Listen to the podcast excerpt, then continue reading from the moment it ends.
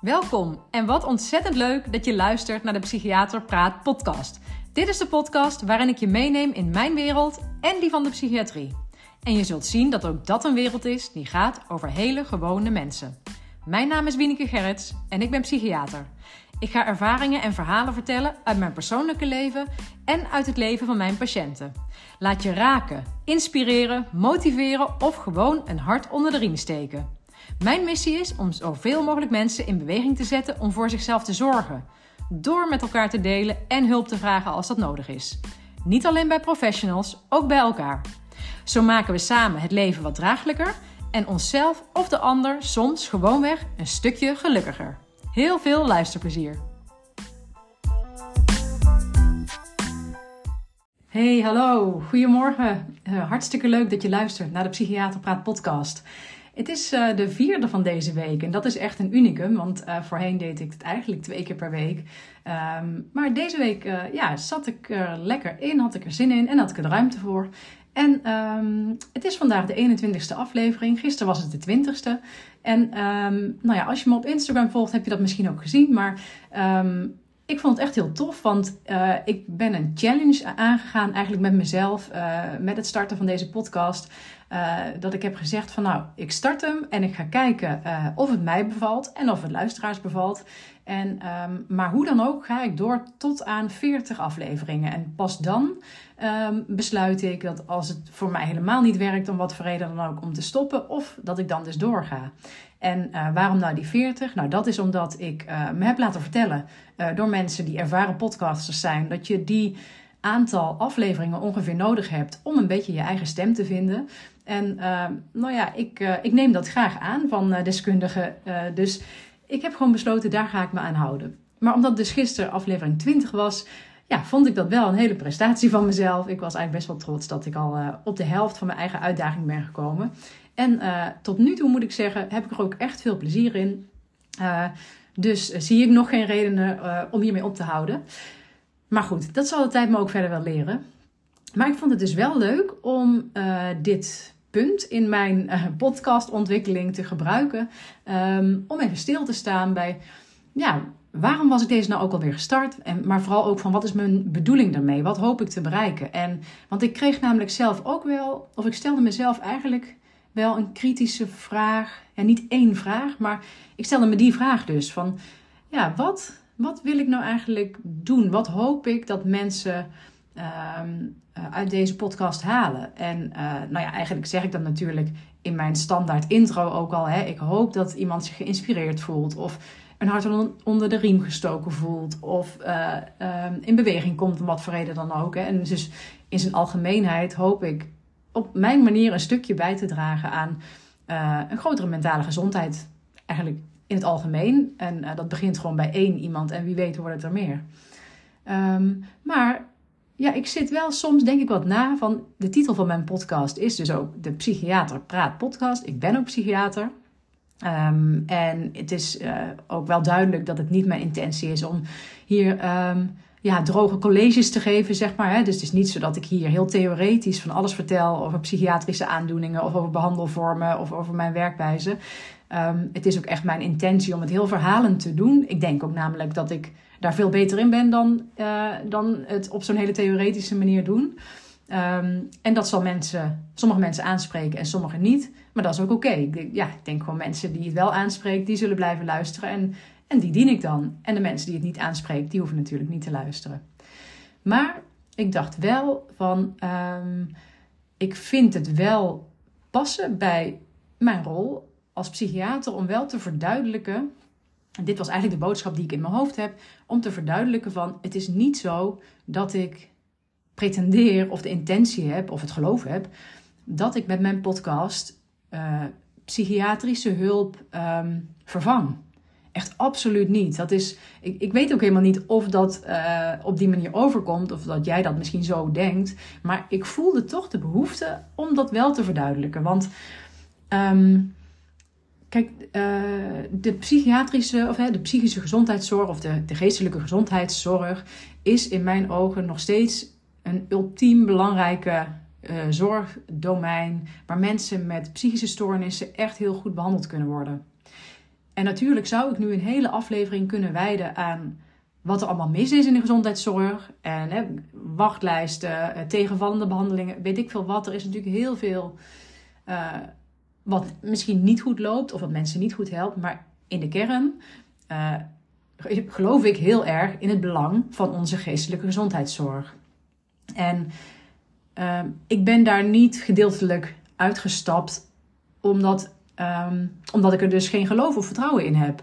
Dat heeft, nou ja, degenen die mij een beetje door mijn podcast kennen weten dat ook. Maar het heeft voor mij een hele lange aanloop gehad dat ik mijn baan uh, uh, in, de, in de GGZ-instelling uh, opzij en nu als zelfstandige ben gestart. Maar ik werk slechts enkele uren per dag. Ik, ik, ik, ik help een aantal mensen per week in mijn eigen praktijk online. Um, maar dat is veel minder dan ik zou willen. En omdat ik toch dus nog steeds vanuit mezelf echt die drive heb om mensen te bereiken en, en bij te dragen aan, aan mentaal welbevinden, heb ik bedacht om deze podcast te starten. En uh, nou ja, ook als je uh, kijkt naar de titels, maar zeker als je meerdere afleveringen hebt geluisterd, dan weet je dat ik heel vaak uh, allerlei verschillende thema's bespreek, maar die wel gaan over, nou, grotendeels wat je zelf kunt doen om bij te dragen aan je mentale gezondheid. Hè? Soms om hem te verbeteren of om de goede toestand te behouden die je misschien hebt. Of, um, nou ja, heel vaak gaat het er ook over van uh, zorg dat je jezelf goed kent, zorg dat je uh, stilstaat bij welke gevoelens je hebt, neem die ook serieus. Maar ook heel erg over het uh, interpersoonlijke, tussen personen. Hè, dus het sociale contact, het belang van elkaar opzoeken, elkaar steunen, delen met elkaar over zaken. Um, ook over je eigen verantwoordelijkheid die je kunt nemen, over het belang van je lichamelijke gezondheid, over um, jezelf letterlijk ruimte bieden, ook door um, een, een prettige plek voor jezelf te creëren. Dus ik, ik noem een heleboel zaken die eigenlijk juist buiten de zorg mogelijk zijn. Uh, een heleboel zaken die je zelf kunt doen of zelf uh, in contact met jouw netwerk, met de mensen om je heen. Of ik bevorder ook dat als je niet een, uh, een, een, vertrouwd netwerk hebt op dit moment, om te kijken hoe je dat kunt creëren, hoe je dat kunt vergroten, omdat het zo belangrijk is. Maar heel veel van mijn afleveringen gaan dus over zaken die juist eigenlijk voorafgaan of, of buiten de geestelijke gezondheidszorg vallen. Uh, dus daarom is het ook heel vanzelfsprekend dat ik zeg: nee, mijn podcast die vervangen niet de gezondheidszorg. Maar je zou eigenlijk meer kunnen zeggen dat ik thema's bespreek of, of onderdelen um, die uh, beschermend zijn voor psychische stoornissen of die je helpen te voorkomen dat psychische klachten bijvoorbeeld erger worden. Of die je helpen om psychische klachten te verlichten. En um, dan is het ook niet zo dat ik zeg van nou, als je al mijn adviezen opvolgt hè, of al mijn, uh, mijn tips en tricks uh, toepast, dat je daarmee altijd een psychische stoornis voorkomt. Dat is ook niet zo. Um, want dan zou ik dus zeggen van het ligt volledig in iemands eigen handen of hij uh, een ernstige psychiatrische aandoening krijgt of psychische stoornis krijgt. En daar geloof ik echt niet in. Het is echt niet de schuld van mensen zelf dat ze daarin belanden. Maar ik weet wel dat er een heleboel beschermende factoren zijn. En daar probeer ik jullie attent op te maken en bewust van te maken. En um, te vertellen over tot op welke, in welke mate je daar zelf dus wat controle in hebt. Wat, wat in te zeggen hebt, de touwtjes in handen hebt. Maar als je kijkt naar um, het begrip van uh, mentale gezondheid, dan, dan denk ik dat je kunt zeggen dat er een soort continuum is, hè, of een geleidende schaal. En dan heb je aan de ene kant uh, ernstige psychiatrische aandoeningen, psychische stoornissen. En helemaal aan de andere kant zou je kunnen zeggen, is een soort van mentaal welbevinden. Uh, uh, gelukkig zijn of heel erg in balans zijn, heel erg positief, een hele positieve mentale gezondheid hebben. Maar daartussen zitten verschillende stadia. Of verschillende, ja, dat, dat gegradeerd gaat dat over in elkaar, gradueel. En um, dus je hebt zeg maar echt een soort mentaal welzijn, een mentaal welbevinden, mentaal gelukkig zijn. Maar het kan ook zijn, dat schuift een beetje op naar, um, naar mentale gezondheid. Want mentale gezondheid wil niet per se zeggen dat je dus ook inderdaad je heel groot welbevinden ervaart. Hè? Dat je heel gelukkig bent. Dat, dat hoeft niet, maar dat, het kan wel zijn dat je gewoon mentaal op zich gezond bent. Nou, dat kan weer een beetje opschuiven nadat je juist wat uit balans bent. Uh, wat ontregeld bent mentaal. Maar dat je maar dat je dat ofwel ook gewoon heel goed begrijpt, doordat er een bepaalde toestand of situatie is waar je dat aan relateert. Ehm, nou, ja, bijvoorbeeld het verlies van iemand of zo, dat je weet van ja, nou ja, hier, ik ben nu wat ontregeld, ik ben hier heel verdrietig van of zo, maar dit past bij wat er aan de hand is. Dus dat, dat het je verder niet negatief beïnvloedt hè, in je functioneren, et cetera. Nou, dat schuift weer op dat die, die mentale mm, ja, ontregelingen of wat uit balans zijn naar echt uh, mentale psychische symptomen hebben. dus echt symptomen die um, nou, een sombere stemming of, um, of een stoornis. dus bijvoorbeeld um, heftige angst hebben. angst bijvoorbeeld om uh, je in sociale gelegenheden te begeven, onder de mensen te zijn. En waarbij dat misschien, als je dat dus laat beoordelen door uh, iemand die daartoe deskundig is, hè, dus door een huisarts of door een andere specialist, misschien nog niet zozeer als een psychische stoornis geduid wordt, maar waarbij je wel duidelijk symptomen ervaart. Nou, dit is een beetje, daar is een beetje de overgang uh, naar waar ik denk dat je professionele hulp kan zoeken. Dus dat eerste, dat uh, mentaal welbevinden, daar heb je geen hulp nodig. Mentaal gezond zijn, dan heb je misschien geen hulp nodig, professioneel gezien. Uh, mentale ontregeling of wat uit balans zijn, heb je ook niet per se professionele hulp nodig. Maar wanneer er sprake is van, van symptomen, dan kan het wel zijn dat je baat hebt bij professionele hulp. En wat je dan ziet bijvoorbeeld is dat als je je tot je huisarts zou wenden en zou vertellen wat er aan de hand is, dan zou het bijvoorbeeld een uitkomst kunnen zijn als je bijvoorbeeld van die angstklachten hebt, dat hij zegt, nou, ik verwijs jou naar een psycholoog, dat noemen we dan in de eerste lijn of de basis GGZ. dan word je dus niet behandeld voor een stoornis, maar veel meer gericht op dat symptoomniveau om te kijken hoe je die, hoe je die symptomen en klachten kunt verminderen. Um, en dan eigenlijk heb je vervolgens van symptoomniveau is de overstap eigenlijk um, naar stoornisniveau. En stoornisniveau, daarin bedoelen we echt dat er um, vanuit uh, in de, een psychische stoornis is gedefinieerd als een stoornis in ofwel hoe je denkt. Hè, dus dat kan echt zijn dat je bijvoorbeeld waanideeën hebt. Uh, het kan een stoornis in het denken zijn dus. Of heel erg sterke belemmerende overtuigingen hebben. En kan het een stoornis zijn in je gevoelens. Dus in de ervaren emoties, dus bijvoorbeeld depressief zijn, bijvoorbeeld heel erg angstig zijn, um, nou, dat soort dingen. Een stoornis in je gedrag, dus dat je eigenlijk afwijkend gedrag vertoont, gewoon niet passend en niet adequaat bij, nou, bij, bij, bij je levensfase, bij, bij, uh, uh, ja, bij je rol die je hebt. Um, en misschien wel gevaarlijk gedrag voor anderen of wel voor jezelf. Of een stoornis in de waarneming. Dat je eigenlijk hoe je de wereld om je heen waarneemt, ofwel jezelf waarneemt, dat daar afwijking in zit. Dat je bijvoorbeeld helemaal niet meer goed weet van ja, wat is nou echt? Of um, nou ja, um, of dat je dingen ziet die er niet zijn. Er kunnen stoornissen zijn in je waarneming. Dat, dat is één criterium voor een psychische stoornis. Dat er een stoornis is in het ofwel het denken, of in je gevoel, of in je um, gedrag, of in je waarneming. En ze kunnen ook gecombineerd voorkomen. Maar dan is het ook nog eens zo dat uh, de stoornissen daarin ook echt een significant lijden met zich mee moeten brengen. Dus dat jij daar echt onder lijdt.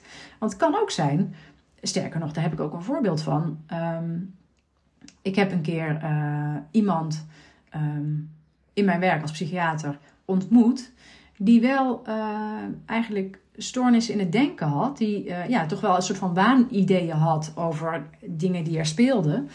Maar die zelf zei van, ja, dat, dat hoort gewoon bij mij. Ik heb daar geen last van. Ik vind, ja, heel vaak kijken mensen er raar van op, maar ik heb daar geen last van. Nou, dan kom je dus al op het punt dat je moet afvragen: van, is er dan sprake van een stoornis? Dus je hebt een stoornis op een van die domeinen nodig. Iemand moet er echt significant onder lijden. Daarnaast moet het ook zo zijn dat uh, die combinatie ook nog eens ervoor zorgt dat iemand um, een stoornis heeft in zijn functioneren. En functioneren bedoelen we dan bijvoorbeeld uh, in de maatschappij, functioneren in de rollen die je hebt. Dus uh, ofwel als andere mensen afhankelijk zijn van jouw zorg, dat je dat kunt bieden. Dus als een ouder of, uh, um, of een leerkracht. Of als, als je. of als je in je beroep, zeg maar, als je daarin kunt blijven functioneren, als je gewoon naar je werk kunt blijven gaan. Dat is zeg maar wat we eigenlijk verwachten. Maar als je daarin belemmerd wordt door die stoornis in je denken, je gevoel, je gedrag of je waarneming en door jouw lijden en dat je daardoor bijvoorbeeld dus niet meer eh, in staat bent om naar je werk te gaan of in staat bent om voor je kinderen te zorgen, dan noemen we dat een beperking in functioneren. En dan zijn we er nog niet. Dan um, dan noemen we het pas een psychische stoornis als we dit dus helemaal allemaal bij elkaar nemen en een cluster van symptomen herkennen die er is en die kunnen toeschrijven aan een, uh, een psychiatrische aandoening. Dus ehm, eh, dat we eigenlijk kunnen zeggen, nou al deze dingen waar iemand last van heeft en waardoor iemand niet meer functioneert en de stoornissen die er zijn, uh, die, die worden eigenlijk veroorzaakt door een psychische stoornis, door een psychiatrische aandoening. En dit laatste, dat hebben wij dan uh, omschreven in ons handboek. Dat is de DSM. Uh, DSM 5 zijn we nu mee bezig. Een soort handboek voor medewerkers in de geestelijke gezondheidszorg. Waarin we, um, doordat we symptomen hebben geclusterd, um, iemand kunnen klassificeren van hebbende een bepaalde psychische stoornis. Dat kan bijvoorbeeld dan een depressie zijn, um, of een psychose, of een angststoornis, of nou ja, zo, schizofrenie, hè, verschillende clusters hebben we eigenlijk. Dit is dus niet zo dat, uh, want daar is ook heel veel over te zeggen en te doen. Um, het is niet zo dat we mensen in hokjes willen plaatsen. Eigenlijk is deze DSM en die klassificaties die daarin zitten, die, die labels die daarin zitten, is voor artsen onder andere uh, en andere medewerkers eigenlijk een taal om met elkaar te spreken. Dat als ik zeg van iemand heeft een depressie, dat een andere uh, professional min of meer weet waar ik het over heb. Weten we dan iets verder over de, over de betreffende patiënt? Nee. Er zijn een, bedoel, uiteindelijk, iemand is niet zijn klassificatie. Iemand is zijn beschrijving. Ja, iemand is mens, zeg maar. Maar als patiënt maken we een beschrijvende diagnose. Waarin we eigenlijk um, ook dingen opschrijven als eh, de context waarin iemand is. En bijvoorbeeld het ontbreken van beschermende factoren. Of juist traumatische ervaringen. Uh, en specifieke kenmerken van deze patiënt. Dus waarin we proberen eigenlijk in een, een mini-verhaaltje van, weet ik veel, tien regels of zo, proberen uh, samen te vatten waarom we denken te snappen dat iemand nu een depressie heeft. Of dat iemand nu in de toestand is waarin die in is. Um, maar deze laatste groep, dus wanneer er echt sprake is van dat er echt een stoornis is, dat is de groep die, uh, ja, die ik patiënt noem. En um, wat ik daarvoor zei, daarvoor zit dus de groep van mensen die misschien wel symptomen hebben, maar niet, die, niet, die niet een bepaalde stoornis hebben. Uh, ja, die, die, die zitten net een beetje in die overgang ook. Van dat, dat kun je ook patiënten noemen. Die kunnen zich ook als patiënt door de huisarts laten verwijzen naar bijvoorbeeld uh, een psycholoog in de basis GGZ. Maar, dus ik wijd misschien heel erg uit, maar wat mijn doelstelling dus is, en ik blijf me een paar keer herhalen omdat ik hem zo belangrijk is, is kijk, als in deze podcast ben ik niet, nou ja, kan ik wel van waarde zijn voor patiënten in deze laatste ernstige categorie. Maar ik, ik, uh, ik vervang niet de behandeling die zij nodig hebben. Praten is zeker niet alles. Um, want uh, zeker in deze groep van patiënten, in deze laatste categorie met een psychiatrische aandoening, is het heel vaak zo. Kijk, ook heel veel mensen zijn misschien wel te helpen met het gesprek, met psychotherapie. Maar heel vaak is er in een bepaalde fase.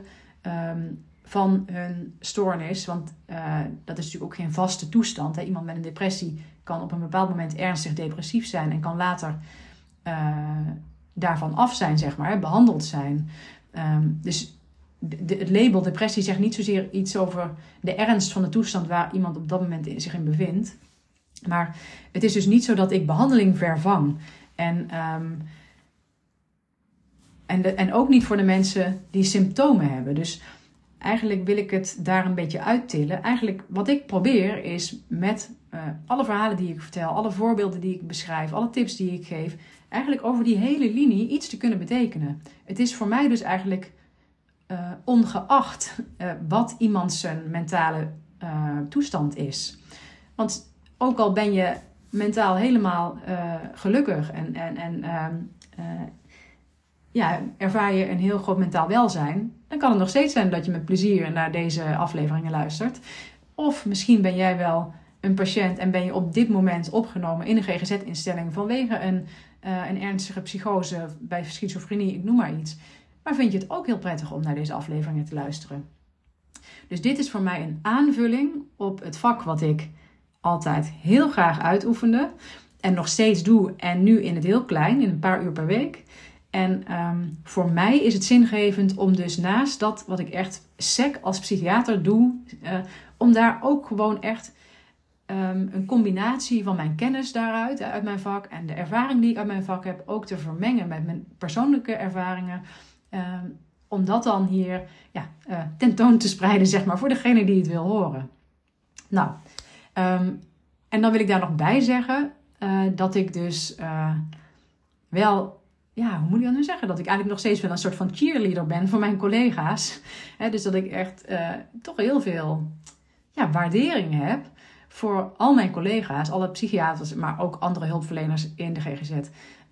die allemaal wel uh, dagelijks en wekelijks, uh, um, uh, uur na uur, zeg maar, zich inzetten om patiënten te helpen. Want um, ik weet helemaal niet hoe dat bij jullie leeft, zeg maar. Maar ik, ja, ik kom dus net uit.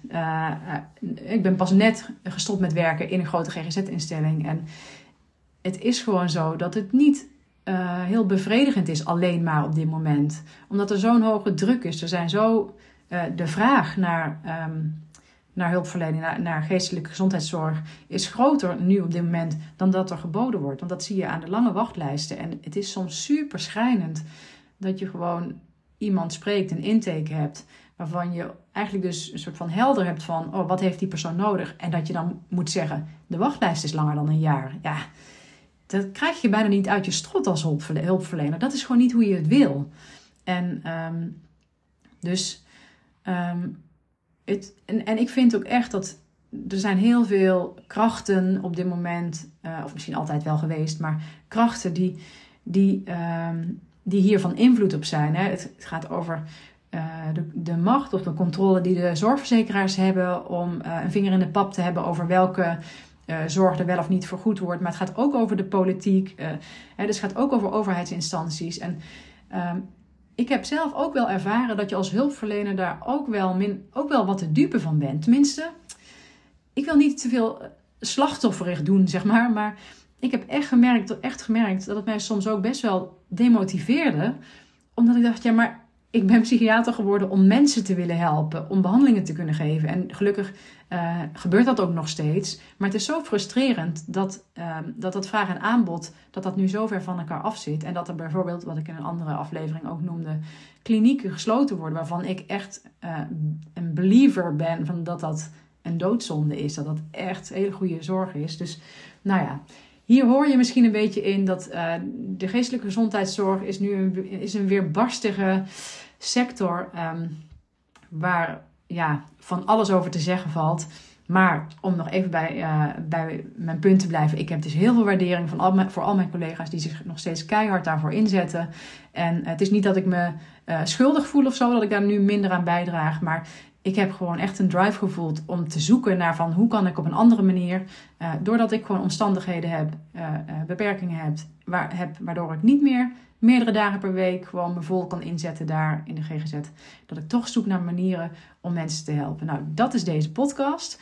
En um, daarin probeer ik dus gewoon heel veel van mezelf te geven. In de hoop dat er mensen zijn die dat oppikken, die daar iets aan hebben. Al, al zou ik met iedere aflevering één iemand iets geven, dan ben ik uh, daar echt heel gelukkig mee. En ik vond het vandaag, voelde ik de drang om wel duidelijk te maken van, ja, dit is een een, een open, toegankelijke podcast voor iedereen. Voor degenen die mentaal super gezond zijn. Tegenover mentaal uh, mensen die op dit moment mentaal heel erg ontregeld zijn. Maar dit is geen vervanging voor wat er in de geestelijke gezondheidszorg gebeurt. Nou, misschien dacht jij dat ook helemaal niet. Misschien was het iets wat zich in mijn. Zegt het iets over mij? Over hoe ik um, bezorgd raakte van. Oh, misschien zijn er mensen die dat zo zien. En, en dan moet ik dat rechtzetten. Ik weet het niet precies. Ik heb vandaag uh, dit verhaal gedaan. Ik hoop dat je het een beetje te volgen was. Ook over mijn uitleg over nou ja, die hele uh, uh, die, die, die geleidende schaal van gezondheid naar stoornisniveau. Um, zo niet, zoek me dan op. Hè. Ik ben echt bereid om daar nog heel veel uitleg aan te geven. Maar voor vandaag zet ik er een punt achter. Uh, het is bijna weekend. Ik wens jullie allemaal een heel erg fijn weekend. En hopelijk tot de volgende.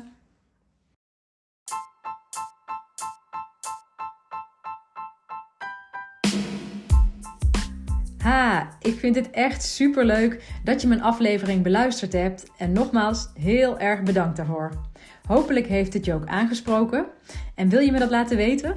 Dat kan via mail naar info.wienekegerrits.nl, een bericht via Instagram, waar ik te vinden ben onder wieneke underscore of op LinkedIn onder mijn eigen naam. Ik vind het heel leuk om ook jou beter te leren kennen en te weten wie er luistert. Jij kunt ook anderen inspireren door mij te taggen, bijvoorbeeld in je stories of je feed op Instagram. En wat jij van mij kunt doen, is in jouw podcast-app waar je deze beluistert, een review achterlaten. Bijvoorbeeld een aantal sterren. Wil je dat doen? Zo kom ik erachter of en hoe mijn podcast gewaardeerd wordt en wordt hij beter vindbaar voor anderen. Overigens kun je je ook abonneren op deze podcast in je app. Hoe dat per app werkt, weet ik niet precies, maar vaak is er een knop subscribe, abonneren of volgen en dan krijg je automatisch een berichtje of in je app te zien als ik een nieuwe aflevering heb geplaatst.